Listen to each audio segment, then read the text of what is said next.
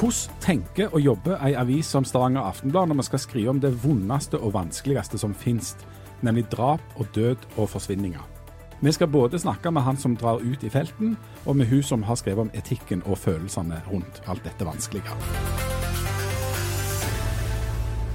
Men før vi kommer så langt, Leif Tore Linde, nå har vi jo i flere uker drevet på og snakket om ja, forberedelser og gjennomføring av julefeiring og oppsummert år og, og spådd om år og sånt, men nå er omsider hverdagen her. Liker du best hverdag eller fest? Jeg vet jo at du skal jo egentlig svare hverdag på det, og jeg pleier jo å rundt og si at jeg liker hverdagene best.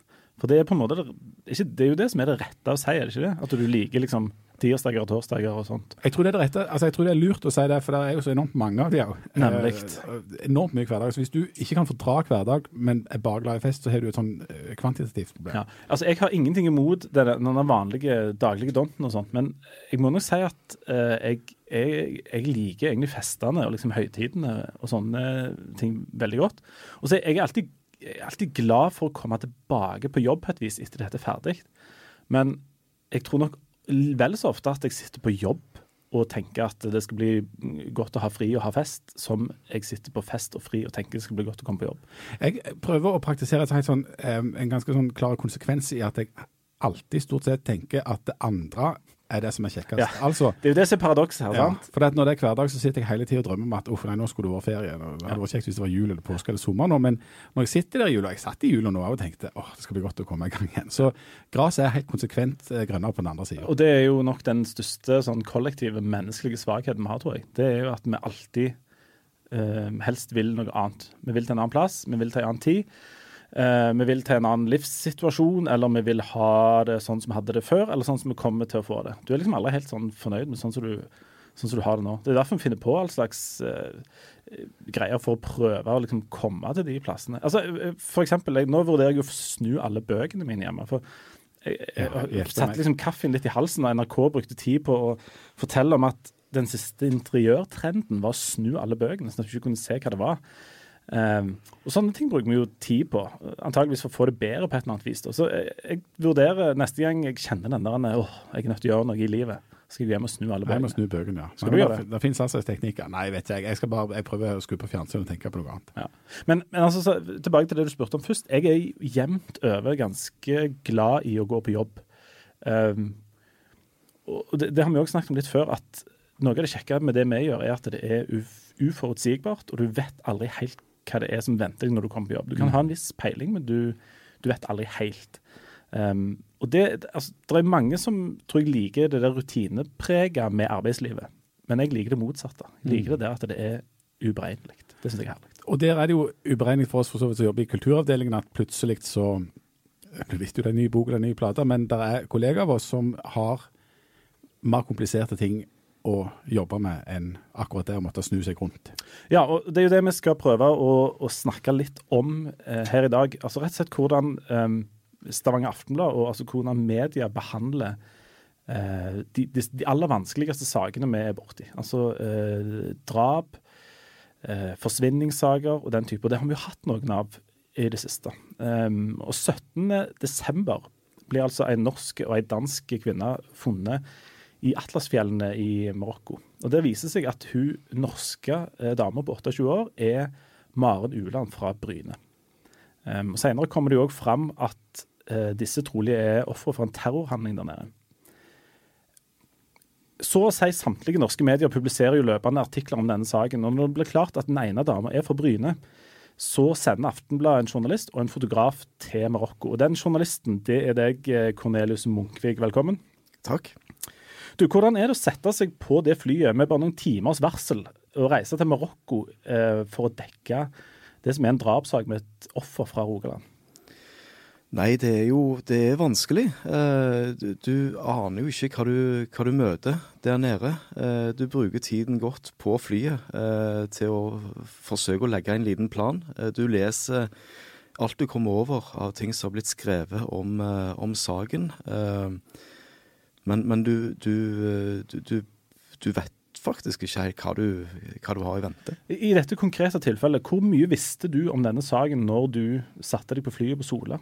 Jeg var på kveldsvakt eh, kvelden, eh, den, den mandagskvelden da nyheten kom. Eh, eh, om at to kvinner var funnet i Atlasfjellene. Um, da ringte jeg til UD eh, for å forsøke å finne ut hvem den norske kvinnen eh, var. Eller ikke hvem hun var, men hvor hun, hvor hun var hjemmehørende.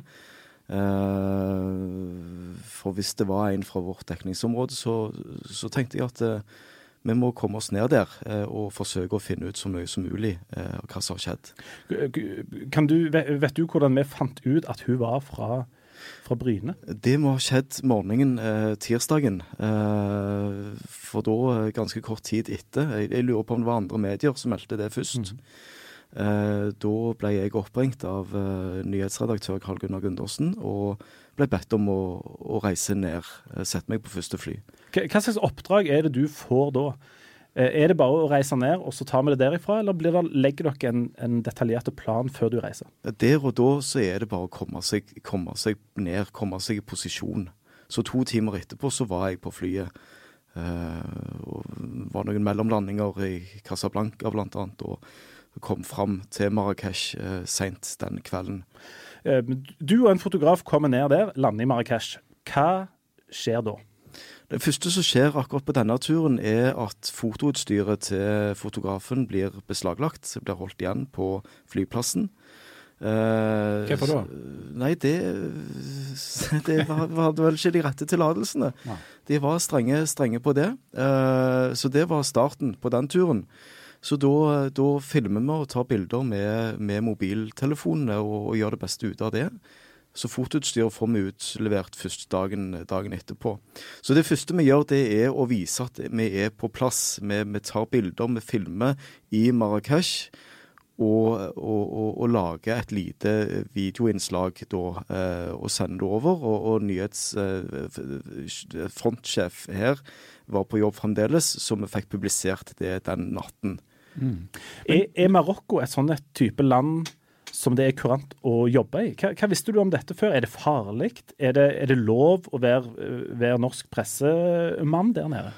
Visste veldig lite. Eh, det fikk jo veldig fort forståelsen av at det ikke var bare bare å komme med penn og papir, og enda, mindre, enda, vanskeligere var det å komme med fotoapparat. Eh, vi trengte tillatelse til absolutt alt. Eh, morgenen etterpå, altså onsdagsmorgenen, så reiste vi grytidlig opp til denne landsbyen Imlil, som ligger nær der, eh, der eh, de to døde ble, ble funnet.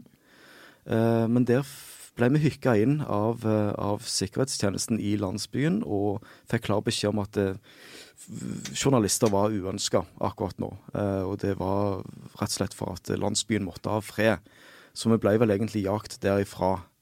Jaha. Så da er det egentlig bare å si at og jeg sa det til, til, sjefen der, at jeg er veldig uenig i dette her. Vi, vi har behov for å få svar. Uh, men vi er gjester her, så vi må jo respektere det. Så vi satte oss, satt oss i taxien tilbake til Marrakech og, og, forsøkte å finne ut andre ting å, å gjøre. Ja, Hvordan gjør du da? For da kommer du altså til et land du aldri har vært i før. Du eh, kommer til den plassen det har skjedd, men er ikke velkommen. Og så skal du starte på en måte på scratch der. Mm. Hva gjør du da? Nei, altså, det, det går jo ut du, du, må snakke med folk. Det, ja, Men ikke hvem som helst? Altså. Ikke hvem som helst, men en plass må du begynne. Eh, ofte kan det være smart å, å, komme i kontakt med lokale medier. Ja. Eh, de vet kanskje De vet jo mer om hvordan hvem, hvem det er verdt å snakke om med, i, i, politiet, f.eks. Eh, så, så det forsøkte vi. Vi fant jo ut der i Marrakech at noen medier var seriøse. Andre medier uh, var nok ikke så redde for å publisere rykter. Og er det noe vi ikke har lyst til å gjøre, så er det jo å publisere rykter og ting som ikke er bekrefta. For der havner du jo oppe i noe som er Det er greit nok å på en måte analysere disse tingene i ettertid, når du har litt sånn tidsperspektiv på det, men i den der første fasen så er det jo et enormt sånn informasjonsbehov, og, og sikkert et visst press herifra òg om at dere skal levere ting, da.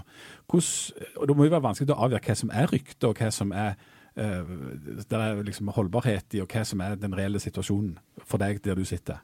Det er jo klart, det, er, det, er, det kan være vanskelig. Uh, men det er klart, å, å, gå og snakke med folk, lodde stemningen altså Marokkanerne var jo dypt fortvila over det som hadde skjedd.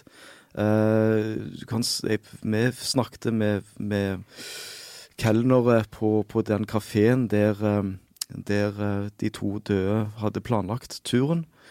Uh, snakket med de. Um, vi kom òg i kontakt med uh, gateselgere. Altså en av de, en av de som er sikta i, i, saken, solgte jo på gaten uh, rett ved hotellet vårt.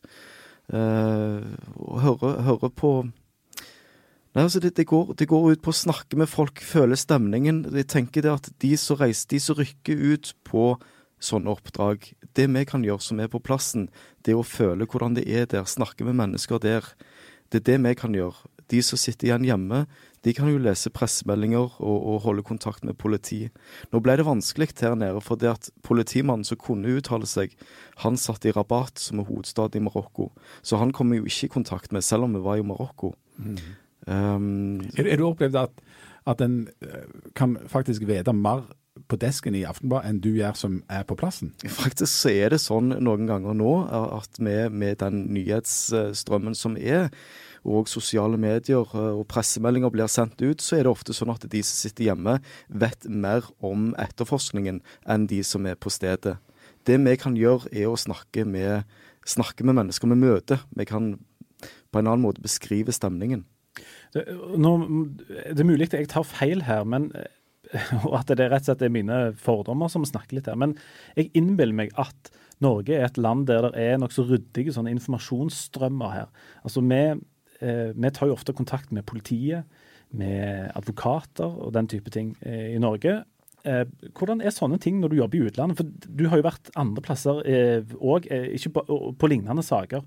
Det, hvordan jobber du for å få bekrefta For du sa jo at det går en del rykter. For å få bekrefta eh, informasjon, for å vite at det som du finner ut, eller de du snakker med der nede, er forteller det som er sant og det som er riktig, og er det de de sier de er, og sånne type ting. Er det vanskelig? Det kan være veld, veldig vanskelig. Uh, I Marokko så var det, så var det, viste det seg være umulig for, uh, for oss som var på stedet, å få uttalelser fra politiet. Uh, så i mange tilfeller så, så vil det jo da være nødvendig å, å, og rapportere hjem til, til Stavanger og, og, si hva vi har fått høre. det kan jo være at det er ting som de hjemme kan sjekke opp med myndigheter. Nå var jo Kripos der nede òg. Eh, så de, jo, de, de, er jo en sikker kilde å bruke. Um, så du må, jo, du må, jo, hele tiden få det bekrefta. Uh, vet ikke om vi skal snakke litt om Sør-Afrika òg. Uh, jeg var der i forbindelse med en forsvinningssak. Uh, og der var politiet mye mer tilgjengelige. De, de holdt jevnlige pressekonferanser for oss journalister som var der. Og Nå snakker vi om Marie Østbø, ikke sant? som som forsvant i Sør-Afrika, og som fremdeles er savna. Um, der du òg reiste. Er det, er det, stor forskjell på å reise til Marokko eller til Sør-Afrika, eller? Språket er jo en, en stor, eh, stor, forskjell. Uh, I Marokko så gikk du i fransk og arabisk. Men du snakker fransk, som er en stor fordel? Da. Jeg snakker fransk, ja. Uh, mens i Sør-Afrika så, så, var det jo engelsk. Men den store forskjellen det var, det, det, det var jo mye mer sentrert til én plass i Sør-Afrika. Mayoli Beach heter helt sør i, i Sør-Afrika, så alle journalistene holdt til på et lite hotell der. Eh, og der, der, ble jo søkene gjennomført fra både ledemannskaper og politi kom jevnlig til, til stranden. For en av, en av teoriene er jo at eh, den norske kvinnen har drukna. Det er en, en, annen ting som, um, som, blir et element i sånne saker. Um, og Det er jo at det er jo en konkurranse mediene imellom uh, om å uh, finne ut ting um, og, og, og, liksom drive disse sakene videre. Hvordan opplever du den konkurransen? Både i Marokko og i Sør-Afrika så er det jo òg andre medier på plass. Ja, det, det, er en konkurranse, og, og, det er jo klart vi, vi jobber jo alltid om å være, være, først ute med sakene. Men det viktigste er eh, å, å, huske på det etiske oppi dette. At det du rapporterer hjem, er riktig. Og òg at det, du, du, får jo mange ganger vite mer Du får jo gjerne mange ganger vite mer eh, enn det du skal skrive. Det er jo detaljer som, som, som lesere ikke trenger å, å få servert. Og da er vi over i etikken, og da er vi over i vurderinger som blir gjort her på huset i Stavanger. Og du, Solveig Sandelson, eh, debattleder i eh, Aftenblad, du har skrevet kommentarer om flere av disse vonde og vanskelige sakene. Blant annet så har du skrevet om noe av etikken i eh, denne Marokko-saken. For der var det sånn at eh, det var ja, det har sirkulert detaljer og videoer om hva som har skjedd der, som vi ikke har trygt. Kan du si litt om hvordan en tenker hjemme når, når sånne saker som dette oppstår? Ja, det, Da sitter en jo og vurderer det som, som Cornelius uh, sier eller snakker eller forteller og har uh, vurdert sjøl. Og da vurderer en jo eh, informasjonsbehovet på, på, den ene sida, hva er viktig å få ut. Eh, mot, i det, særlig i dette tilfellet når det er, det er midt blant våre lesere. Eh, det er jenter fra Bryne. Eh, så er hensynet til den som er drept, og de pårørende veier ganske tungt. Vi skal ta vare på, ha respekt for sorga til de som står midt oppi det, og vi skal ta vare på eh, verdigheten til de som eh, er omkomne. Eh, og i dette etter hvert så gikk det en del sånn diskusjoner på sosiale medier som så ut som at den eneste grunnen til at vi ikke publiserte detaljer, var eh, at vi prøvde å dekke over eh, islamsk eh, terrorisme. Eh, og det er, så, det er så enkelt tenkt og konkludert at jeg, eh, jeg syns faktisk ikke det kunne forstå. Ehm, det var jo nokså tidlig klart at dette var en, en terrorhandling. Eh, og det er jo nokså Det holder å vite at her er det menn som går inn i et telt til to sovende jenter og tar livet av dem. Eh, som en eh, Bare for å markere seg litt. Eh, så legger de i tillegg eh, Får vi jo da finne ut etter hvert at her verserer det en, en video som viser eh, en drapshandling på sosiale medier. Um, så vet vi òg at denne Altså, det har blitt vanskeligere og vanskeligere med sånn stor, svær eh, terrorisme. Eh, det, det, må liksom være enkelt hvis det skal gå under radaren. Sånn ta med deg eh, brødkniven eller, eh, eller gjør, noe, gjør, noe, smått. og da har jo terroristene fremdeles Vil de ha mest mulig ut av det de har gjort. Eh, Bl.a. få mest mulig oppmerksomhet, spre mest mulig frykt. Det er, en, det er jo en grunn i seg sjøl til å ikke eh, omtale eh, detaljer, eller til å være med og bidra til akkurat det de vil oppnå. Men samtidig så er det tydeligvis ikke en universell presseetikk. For det var flere utenlandske medium som har eh, både vist bilde og omtalt dette i detalj om hvordan det har skjedd. Hvorfor mm. er, altså, er norske eh, aviser eller medier spesielle der, eller er det fordi at det er norske offer i dette tilfellet? Det er jeg faktisk ikke sikker på, for så godt kjenner jeg ikke hva de, hva de utenlandske avisene eh, gjør når det er deres egne.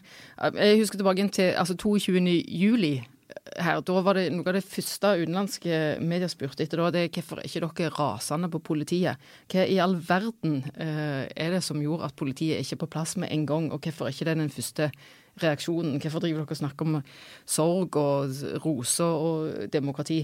Mens vi som var her, vet at vi, vi var faktisk helt uh, lamma av det. Mens de gikk mye, mye mer uh, rett på. De gikk òg tettere på og viste bilder fra Utøya av ofrene som ikke ble vist i norsk mm. presse. Bl.a. i Sverige, som jo òg er et veldig ja. uh, forsiktig land på en måte. Mm. Men er det, er, det en, er det, en, vurdering um, Disse sakene som vi, som vi, skriver om, altså for å ta Stavanger Aftenblad um, for, for, for, vår del så handler dette jo om at ofrene eller gjerningsmenn, eller hva det nå er, er fra vårt distrikt. Mm. Eh, behandler vi drapssaker f.eks. annerledes fordi at de kommer så tett på oss? Når offeret er fra Bryne, har vi en annen standard for det enn hvis offeret er fra eh, Italia eller fra Sør-Afrika f.eks.? Ja, tror... Må vi behandle det på en annen måte fordi at disse folka bor her? Ja, det, altså det, det, jo, jo, nærmere, jo nærmere den misgjerningen rammer eh, oss og våre, eh, jo lenger framme i pannen vil det eh, hensynet være. Fordi at det vil kjennes så mye mer direkte og brutalt så, så, nært. og at andre utenlandske medier behandler det på en annen måte, er er greit. Og det er jo sånn at da kan jo våre lesere kan jo oppsøke dette på nettet hvis de vil, men de trenger ikke få det eh, servert på bord eh, hjemme på Bryne eh, ukritisk eh, av oss. Og det går jo fint an å sette seg inn i hva islamsk eh, terrorisme er for noe, uten at vi skal tilfredsstille eh, ropet på å gå i detalj om, om, sånne ting. Og det, det gjør vi jo heller ikke i Altså Når Cornelius skriver fra dommer i sedelighetssaker osv., så, videre, så kommer det ikke detaljer. altså Drapssaker som er skjedd her hjemme som ikke er terrorhandlinger.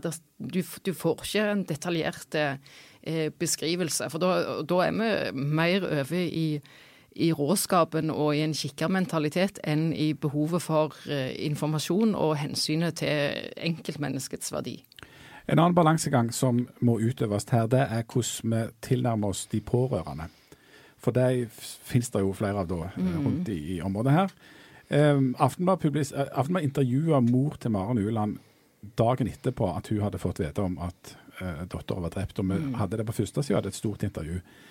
Um, I Vær varsom-plakaten, som er vårt på en måte sånn regelverk i pressen, så står det at en skal huske at mennesker er i sjokk eller sorg, og at de er mer sårbare enn andre. At en skal være veldig forsiktige i når en nærmer seg dem. Intervjuer med mor til Maren Uland for tidlig? Det kan godt være uh, at vi gjorde. Uh, det er ikke jeg sikker på, men at uh, det er sannsynlig at, at, hun var i sjokk.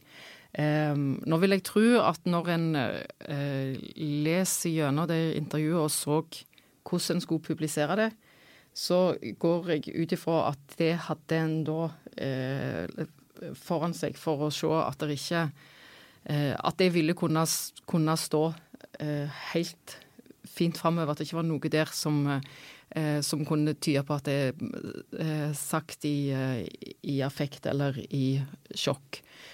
som vi skal beskytte folk imot. Men, men det, er jo ikke, det foregår jo diskusjoner i redaksjonen hele tida når sånt skjer. Og så går det eh, fort, og så vil en ha ut informasjon. Så skal vi ikke eh, Vi skal ikke sette ut eh, rykter. Jeg vet, Lars Hella er jo opptatt av at vi må heller ikke ha berøringsangst for døden. Altså vi må ikke la være å, eh, å komme i kontakt med de pårørende eller å la leserne få, få del i de som er ramma av, eh, av, død. Det skal ikke være sånn. Men at vi trør feil, og at pårørende og folk som er ramma, kan kjenne at nå var vi for tett på.